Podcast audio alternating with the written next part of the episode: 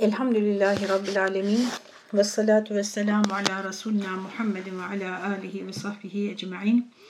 Sevgili arkadaşlar, bugün e, Esma-i Hüsna okumalarında e, efendim Esma-i Hüsna'nın insan kişiliğindeki etkileri başlığını sizlerle paylaşacağız. Ee, biraz yoğun bir bölüm. Yani her cümlesi e, üzerinde düşünülmesi gerekiyor ve bir sonraki cümle bir önceki cümle iyice anlaşılmadan, yerleşmeden içimize, aklımıza e, bir sonraki cümleyi anlamak e, ve oradan da sonrakilere geçebilmek çok kolay olmayacak. Dolayısıyla efendim biraz üzerinde durmamız gerekecek her bir cümlenin. Umarım başarabiliriz. Umarım aşarız burayı da e, ve anlayabiliriz burada anlatılmak istenenleri. Başlıyorum. E, şöyle girmişiz. İnsanın kendi hakkındaki tasavvuru yani kendisini nasıl algıladığı meselesi onun iradi davranışlarına yön veren en temel etkendir. Şimdi cümlede neyden bahsedilmiş? Ee, bir, demek ki insanın kendi hakkında bir e, zihninde bir tasavvuru var. Yani kendisini e, bir şekilde tanımlıyor, tarif ediyor, e, bir yere yerleştiriyor. Kendi iç dünyasında kendiyle ilgili bir algısı var insanın. Bu nasıl oluşuyor? Tabi burada bu bir pedagojik kitabı, psikoloji kitabı olmadığı için o detaylara girmemişiz. Bu nasıl oluşur? Yani insan arkadaşlar kendisi hakkındaki tasavvurunu nereden devşirir? Bize psikologlar bunun e, ta ilk çocukluk yıllarımızdan itibaren yani konuşmayı anladığımız ve dışarıdan gelen tepkileri kendimizden ayırabildiğimiz e, o en küçük zihnimizin en boş, en taze olduğu yıllarda dışarıdan bizimle ilgili e, yorumları zaman içerisinde içselleştirdiğimizi ve bilhassa bunlardan çok tekrar edilenleri zaman içerisinde içselleştirdiğimizi ve kendi hakkımızdaki kanaatimize dönüştürdüğümüzü söylüyorlar. Ee, dolayısıyla bu kendi hakkımızdaki kanaatimiz çok doğru olmayabiliyor arkadaşlar. Ee, tamamen e, çevrenin bizi nasıl gördüğünü zaman içerisinde biz işte annem benim için böyle derdi, babam benim için böyle derdi ya da işte kardeşlerim, arkadaşlarım benim için böyle derdi diye dışarıdan gelen bir yorum olarak görmüyoruz da onları e, kendimizin gerçekten öyle olduğumuza dair bir tasavvura dönüştürüyoruz. Bu bakımdan bunlar e, sorgulanmalı, e, süzgeçten geçirilmeli en azından e, bize zarar verdiklerini düşünüyorsak, öyle bir aşamaya gelmişsek hayatımızda ve e, bazen bunlar o kadar derin olur ve bunların e, bunları ayırabilmek, gerçek düşüncelerle bu tasavvur ve algıları, çeşitli manipülasyonlarla oluşan algıları ayırabilmek o kadar zorlaşır ki bazen yardım almak bile gerekebilir. Yani bir defa cümle ne söyledi bize? İnsanın kendisi hakkındaki bir tasavvuru var. Yani kendisini nasıl algıladığı meselesi var. Ve bu algı, insanın kendi hakkındaki tasavvuru neyi etkiliyormuş arkadaşlar? İradi davranışlarımıza yön veriyormuş bu tasavvurumuz.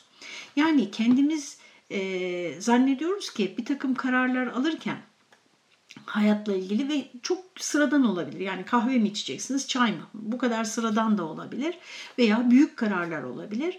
Zannediyoruz ki bunu tamamen bağımsız olarak alabiliriz zannediyoruz. Halbuki daha en başta kendi hakkımızdaki tasavvurumuz e, bizim bugün e, işte belki de 3-5 yaşlarında oluşan o tasavvur bugün 30-40 e, yaşında yetişkin bir insan olduğumuzda bile günlük seçimlerimizi iradi davranışlarımızı etkiliyor. Bu nedenle her insanın her insanın tırnak içinde insan ve insanlık alemi içinde de kendisi hakkındaki tasavvurunun hangi bilgiye dayandığı, kaynağını nereden aldığı hayati önem taşımaktadır. Yani tırnak içinde insan cinsi için, insan denen varlık için ne düşünüyorsunuz? Bu insan türü içerisinde kendiniz hakkında ne düşünüyorsunuz ve bu düşünceleriniz hangi bilgiye dayalı? Yani insan şöyledir. Mesela insan çok muhterem bir varlıktır. İnsan işte e, doğruyu eğriyi birbirinden ayırabilecek bir güce sahiptir. İnsan e, işte çok mükerremdir, e, muhteremdir. Ne, ne düşünüyorsunuz? Veya aşağılık biridir. İşte insan insan kötücül bir varlıktır. E, öyle derdi bizim aile büyükleri. E, dışı gön, içi kan insanın. Hani böyle dikkatli olun falan anlamında. Efendim ne düşünüyorsunuz yani insanla ilgili ve bu insan türü içerisinde siz nasıl birisiniz? E, bu kanaatleriniz, bu tasavvurlarınız, tasavvur e, acizane fikrim yani bilgiden e, çok farklı, çok daha önce ve biraz daha muğlak bir şey yani. Bu insan hakkındaki ve kendiniz hakkındaki e, zihninizde e, şekillenen algılar, Neye dayanıyor? Hangi bilgiye dayanıyor? Kaynağını nereden alıyor? Gerçek mi yani bunlar?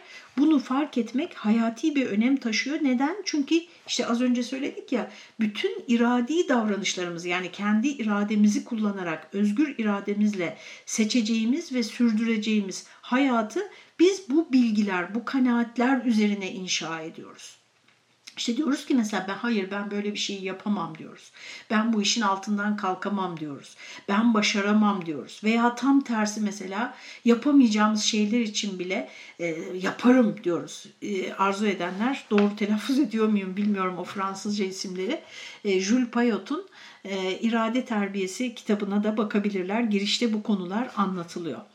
Dilcilere göre şimdi bakıyoruz yani biz insan e, hakkındaki fikrimiz neye dayanmalı, ne söylenmiş bize insanla ilgili özet olarak buna bakıyoruz.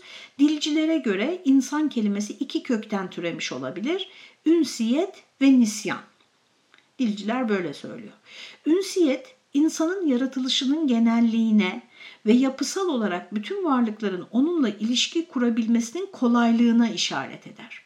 Yani e, kendisiyle yakın ilişki kurulabilen demek Enis, Enes hep bu kökten türemiş isimler. Ünsiyet kökünden yakınlık kendisiyle yakınlık kurulabilen.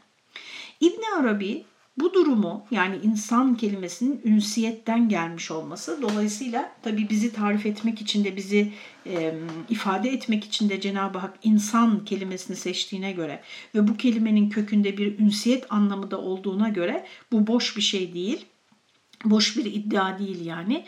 İbn Arabi bu durumu yaratılmışlar içinde insanın bütün esmanın tezahür ettiği yegane varlık olmasıyla açıklar. Şimdi konumuzla bağını yavaş yavaş kurmaya başladık.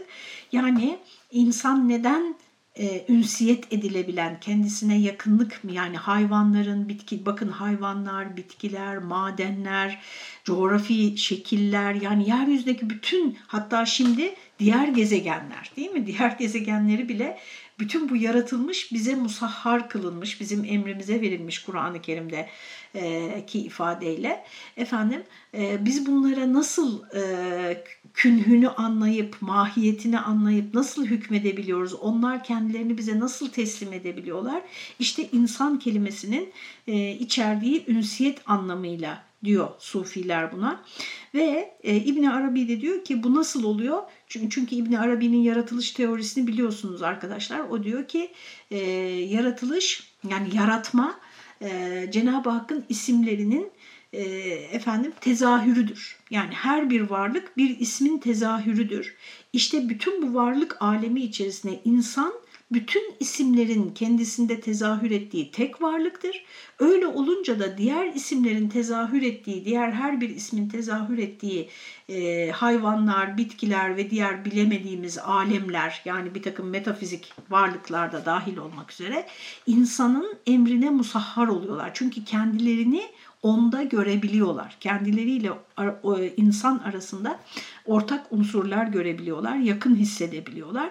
Ona göre İnsan mümkün varlıkların yani Allah dışındaki bütün varlıklar mümkün varlıklardır. Yani çünkü olmaları da olmamaları da mümkün olduğu için bu büyük bir tartışma oraya girmiyoruz. Mümkün varlıkların hakikatleri anlamındaki isim ve sıfatların tümünün kendisinde bir araya geldiği yegane varlık olduğu için her varlık yani bu yegane varlık kim? İnsan Her varlık kendisinden bir parçayı, kendi hakikatini insanda bulur diyor. Gelelim insan kelimesindeki ikinci kelimeye yani insan kelimesinin içerdiği veya kendisinden e, türediği ikinci kelimeye nisyandı. Hatırlayacaksınız az önce söyledik. Nisyan ise unutmaktır. Unutmak demek. İnsanın unutması bir şeyi bırakıp başka bir şeye geçebilmesini sağlar. Yani unutmak kelimesine baktığımızda biz hani olumsuz bir anlam içerdiğini düşünürüz genelde. Halbuki arkadaşlar e, işte bunu vaazlarda, sohbetlerde de duymuşsunuzdur. E, psikolojide de e, çok geçer. Unutabilmek, yeni bir başlangıç yapabilmek için çok büyük bir nimettir arkadaşlar. Bunun için mesela Efendimizin ben o duasını çok anlamlı bulurum ve kendimce çok tekrarlamaya çalışıyorum. Efendimiz Allahümme inni a'udu bike minel hemmi vel hazen. Ee, Allah'ım gelecek için kaygılanmaktan, geçmiş için üzülmekten sana sığınırım diyor. Ee, gerçekten zihninize bir bakın. Yani umuyorum bir tek bende değildir bu durum. Ee, zihin ya gelecekle ilgili kaygılar, endişeler, hayaller üretiyor ya geçmişi tekrar tekrar e, zihninde döndürüyor. Bilhassa da yaş ilerledikçe bu geçmişin zihinde tekrar tekrar döndürülmesinin oranı biraz daha artıyor. Çünkü çok büyük bir gelecek kalmadığı için önümüzde muhtemelen. E, insan gençlik yıllarında daha çok geleceği düşünüyor. E, yaşlılık yıllarında da daha çok geçmişi düşünüyor. Halbuki ideal olan bakın Efendimiz bu ikisine de saplanıp kalmaktan Allah'a sığınıyor. Ama bilhassa da olumsuz anlamda saplanıp kalmaktan. Yani gelecek için düşünmek, geleceği düşünmek sizi ümit var kılıyorsa, geçmişi düşünmek de şükrünüzü artırıyorsa Ali Yülala ne kadar güzel. Yani iyimserlik katıyor, geleceği düşünmek, geçmişi düşünmek de şükran duygularını artırıyor. Bu harika bir şey.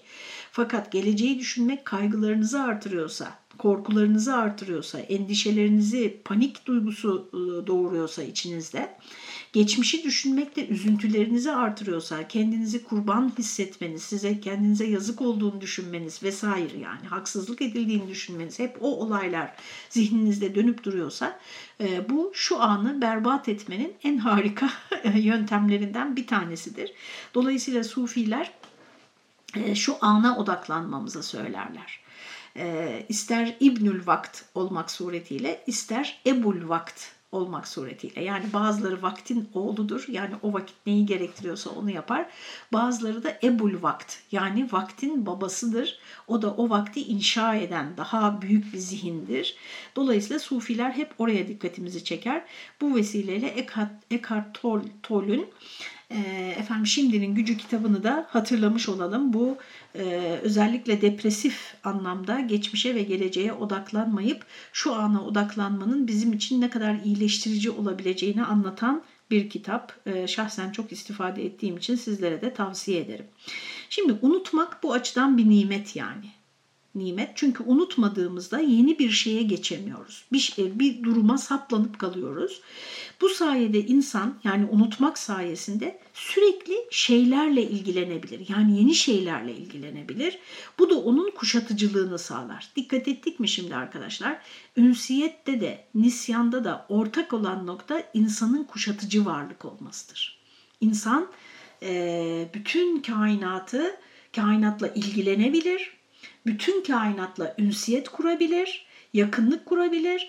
Bütün kainattaki varlıklar canlı, cansız, fizik, metafizik fark etmez. Bütün insan dışındaki bütün yaratılmışlar efendim e, kendilerindeki bir özelliği insanda görebilirler. Tersi de mümkün. İnsan o varlıkları tanıyabilmek için kendisinde yeterli e, bir benzeşim e, imkanı onlarla kurabilir. İslam düşüncesi insanın evren içindeki şerefli konumuyla yani şimdi bugün mesela hümanizmde bu şerefli konumu çok vurguluyor biliyorsunuz işte insan bütün değerlerin kaynağı olarak gösteriliyor. İyiyi kötüyü ayırt edebilecek, işte her türlü güzelliği başarabilecek. Tabii bunun e, çok felsefi boyutu da var. Çok böyle gündelik boyutu da var.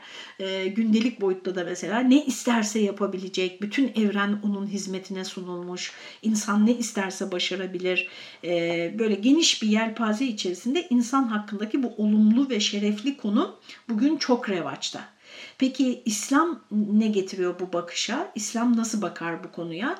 Arkadaşlar İslam insanın bu şerefli konumunu vurguladığı kadar Allah'a karşı sonsuz kulluğu konumunu da vurguluyor. Yani evet bütün canlılardan farklı olarak insana akıl verilmiştir, metafizik düşünme kabiliyeti verilmiştir, felsefe üretebilir, efendim doğruyu yanlışı bir ölçüde ayırt edebilir. Özellikle görünen alemle ilgili olarak işte görüyoruz dünyada da değil mi? Ahlak üretmiştir, çeşitli sistemler üretmiştir, buluşlar yapmıştır, hayatını yönetmiştir, hayatını kolaylaştırmıştır.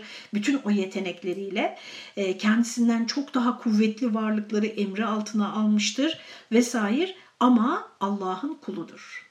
Yani o zincir içerisinde sadece kendisinden aşağı olanlara e, kıyasla geldiği o rüçhaniyeti, o seçkin konumu değil, kendisinden yukarıda olan, kendisinin üstünde olan o evrensel gücü, o büyük gücü yani Allah Teala'yı da ona hatırlatarak böylece bu şerefli konumla kulluk arasındaki dengeyi en güzel şekilde sağlamıştır İslam düşüncesi.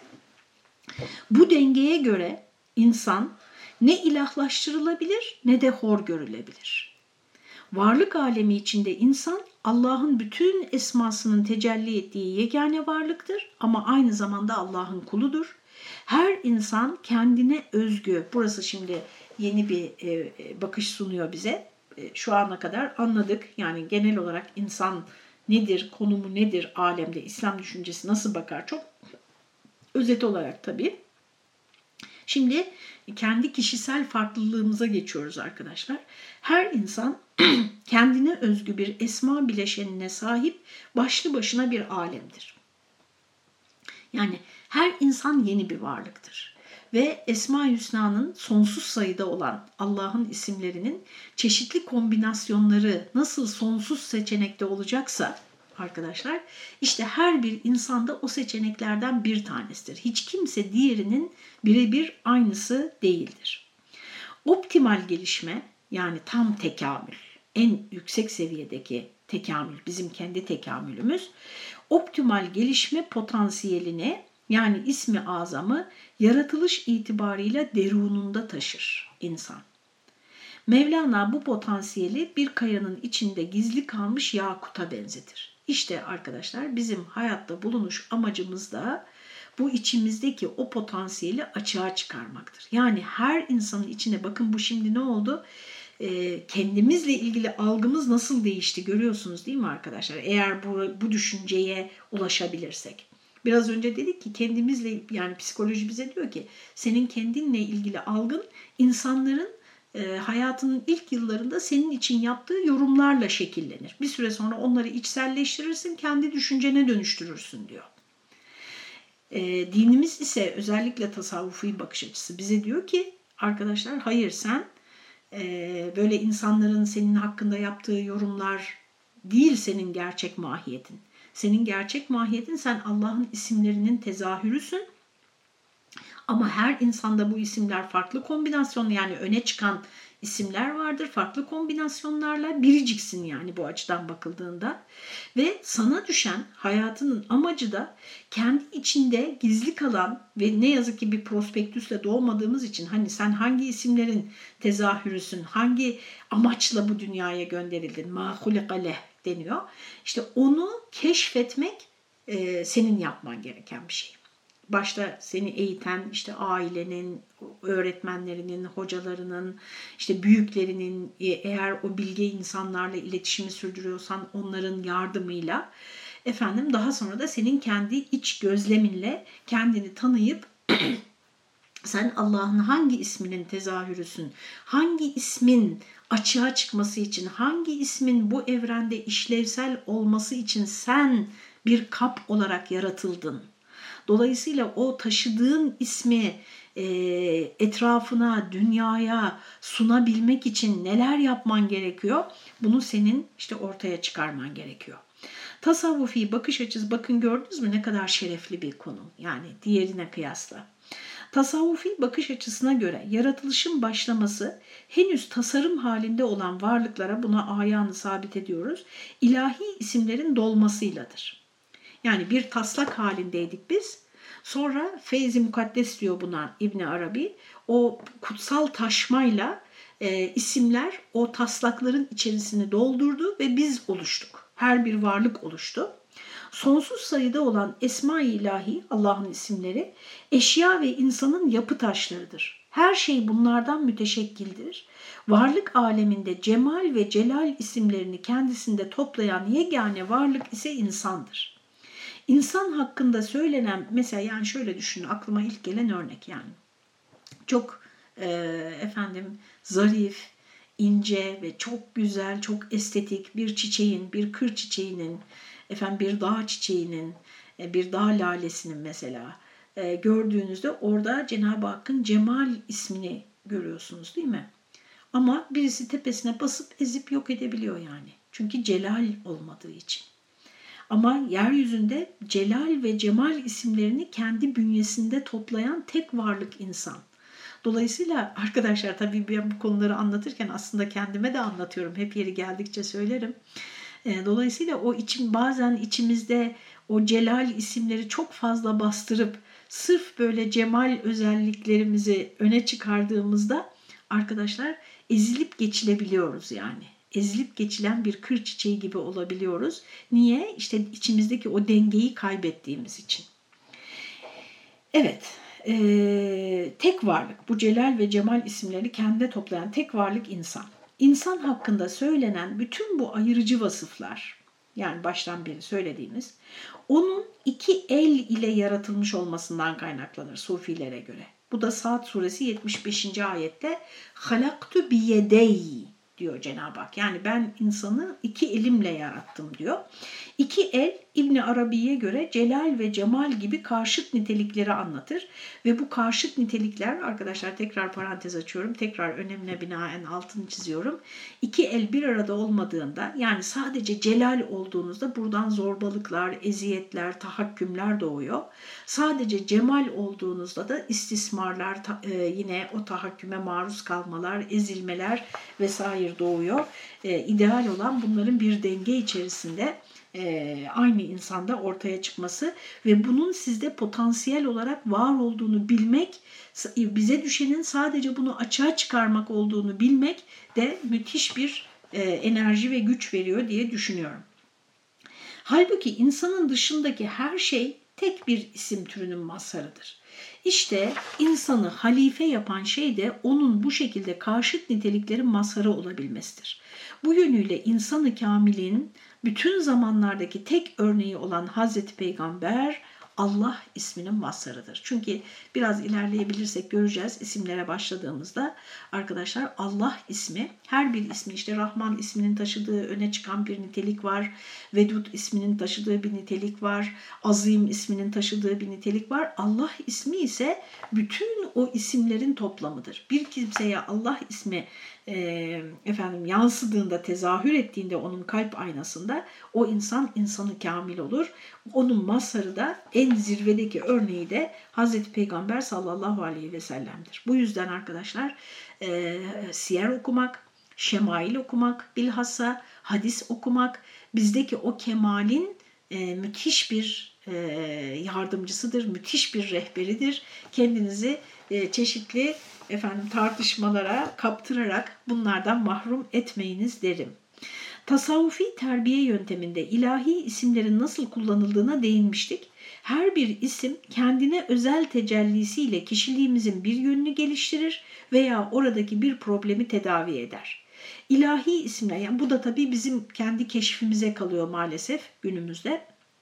E, sakın bu konudaki istismarcılara yakanızı kaptırmayın. Arkadaşlar yok işte senin isim bileşenin neymiş falan bunu yok e, bulmayı iddia eden, bununla ilgili sorunlarınızı çözmeyi e, vaat eden e, çeşitli istismarcılara efendim kendinizi kaptırmamanızı bilhassa o Araf suresinin 180. ayeti kerimesinde e, Allah Teala'nın isimleri hakkında ilhada sapanlardan olmamaya, onların peşine takılmamaya e, dikkat edelim. Bu uyarımızı da yaptıktan sonra arkadaşlar kendinizi e, bu tabii bu isimleri bileceksiniz, muhtevasını bileceksiniz. Bir insana yansıdığında ortaya nasıl bir ahlak çıkacağını bileceksiniz ve oradan eksiklerinizi ve öne çıkan özelliklerinizi keşfederek e, yavaş yavaş emin adımlarla ilerleyeceksiniz kemal yolunda diye düşünüyoruz.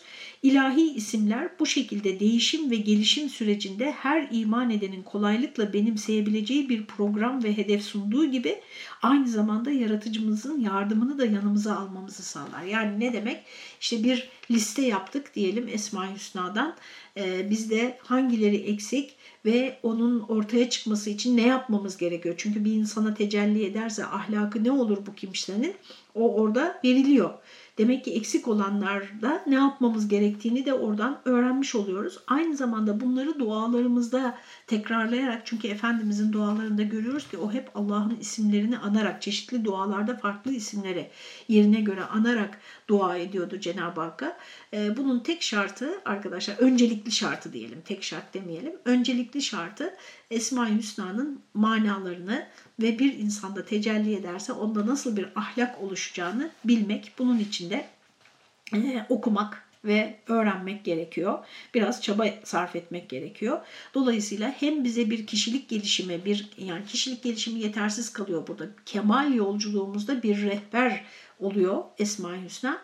Hem de dualarımızda o isimleri tekrar ederek özellikle de ihtiyaç duyduğumuz o konu her neyse o konuyla ilgili olan isimleri tekrar ederek Cenab-ı Hakk'ın yardımını, bereketini, lütfunu, onun o isminin bizim üzerimize tecelli etmesi için onun kapısını çalmayı ve o kapıdan ayrılmamayı da yanımıza almış oluyoruz. Kemale yönelik bu çabaya mukabil kişilik ve ahlak gelişimini bir kısım taktikler uygulamaktan ibaret sanıp öze yönelik bir dönüşümü göze almamakta bu süreçte ilahi rehberliği içselleştirememekten ve kişilik gelişiminin hedeflerini bu dünya ile sınırlamaktan kaynaklanır. İşte bize batıdan gelen pek çoğundan da istifade ettiğimiz o kişisel gelişim kitaplarının yetersiz kaldığı yer burasıdır. Çünkü onların hedefleri bu dünya ile sınırlıdır sadece. Biz ise arkadaşlar e, cenneti hedefliyoruz. Cennet bile orta e, bir hedeftir. Onun da ötesinde Cenab-ı Hakk'ın rızasını, hoşnutluğunu ve bize baktığında bize verdiği, yaratılıştan bize verdiği o isimleri açığa çıkarmış, onları geliştirmiş, onlarla ilerlemiş, kemaline ulaşmış ve Allah'ın rızasını kazanmış, ona yakınlık kesbetmiş ve sabikune sabikun ulaikel mukarrabun ayetinin sırrına masal olmuş insanlardan olmayı diliyoruz. E, hepimize Rabbim yardım etsin. Efendim yolumuza ışık tutsun, elimizi bırakmasın. E, daraldığımız ve ne yapacağımızı bilemediğimiz anlarda da karşımıza bize güzel rehberlik edecek dostlar, yardımcılar lütfetsin diyerek bu bölümü tamamlamış oluyorum. Allah'a emanet olunuz.